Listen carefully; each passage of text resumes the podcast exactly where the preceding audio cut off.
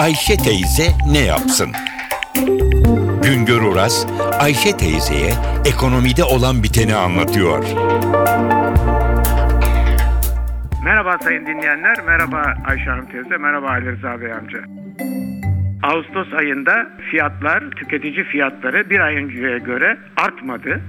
Yüzde 0,1 e, binde bir oranında hatta azaldı. 2012 Ağustos ayından 2013 Ağustos ayına fiyat artışları ise yüzde 8,17 olarak açıklandı. Şimdi tüketici fiyatlarındaki bu artışları biz enflasyon rakamı olarak kabul ediyoruz. Türkiye'de enflasyon demek ki Ağustos ayında artmadı. Hatta binde bir de oranında da olsa azaldı diyoruz. Bir yıllık enflasyon yüzde 8,17'ye geriledi diye de seviniyoruz. Şimdi bu tüketici fiyatlarıyla ilgili bilgiler yayınlandığı zaman genellikle Ayşe Hanım teyze başta olmak üzere tüm tüketiciler ya bizim cebimizden çıkan parayla bu enflasyon rakamları birbirine benzemiyor, uymuyor diye tereddüte düşerler. Doğrudur efendim. Çünkü Türkiye İstatistik Kurumu bu enflasyon rakamlarını Türkiye geneli için hesaplıyor. Türkiye genelinde her gelir grubunda yani hem alt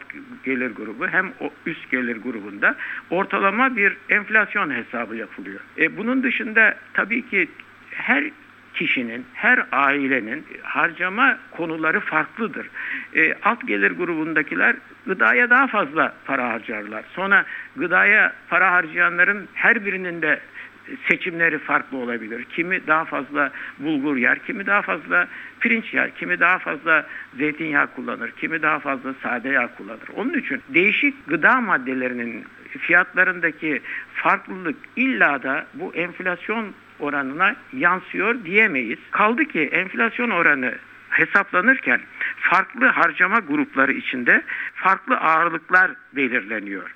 Şöyle ki Türkiye genelinde her tüketicinin harcadığı 100 liranın 24 lirasının gıda ve alkolsüz içkilere gittiği varsayılıyor. Her 100 liranın 6,83 lirasının e, giyim ve ayakkabıya gittiği varsayılıyor.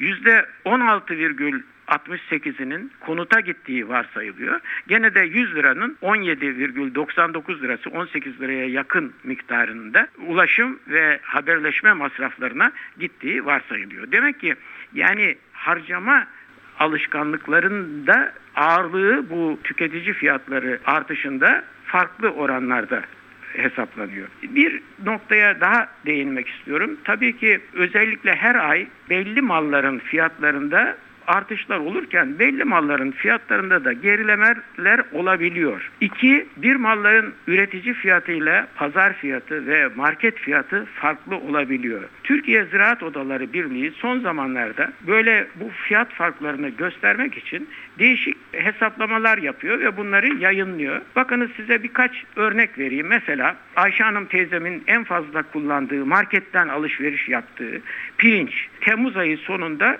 4 lira 92 kuruşken Ağustos ayı sonunda 5 lira 23 kuruşa yükselmiş. Yani pirinçte bir marketlerde yüzde 6'yı aşan bir fiyat artışı var. Aynı şekilde kuru fasulyede var, kuzu etinde var, toz şekerde var. Ama buna karşılık da zeytinde, zeytinyağında, mısır özü yağında, tavuk etinde, domateste fiyat artışları olmamış görünüyor. Türkiye Ziraat Odaları Birliği'nin belirlemelerine göre. Bir başka nokta da biraz önce değindiğim gibi üretici fiyatıyla üreticiden tüketiciye ulaşıncaya kadar ki fiyatlardaki artış oranlarının farklı olması. Bir örnek vereyim. Türkiye Ziraat Odaları Birliği'nin belirlemelerine göre üreticinin domates için kilo başına aldığı para 61 kuruş. Ama biz aynı domatesi pazarda ortalama 1 lira 38 kuruşa, markette 2 lira 17 kuruşa yiyoruz. Aynı şekilde limonda böyle bir farklılık var, armutta farklılık var, şeftalide, e, kuru fasulyede, nohutta da var. Bakınız kuru fasulyenin üreticiden çıkış fiyatı 3 lira 30 kuruş, pazar fiyatı 5 lira 30 kuruş ama market fiyatı 6 lira 40 kuruş.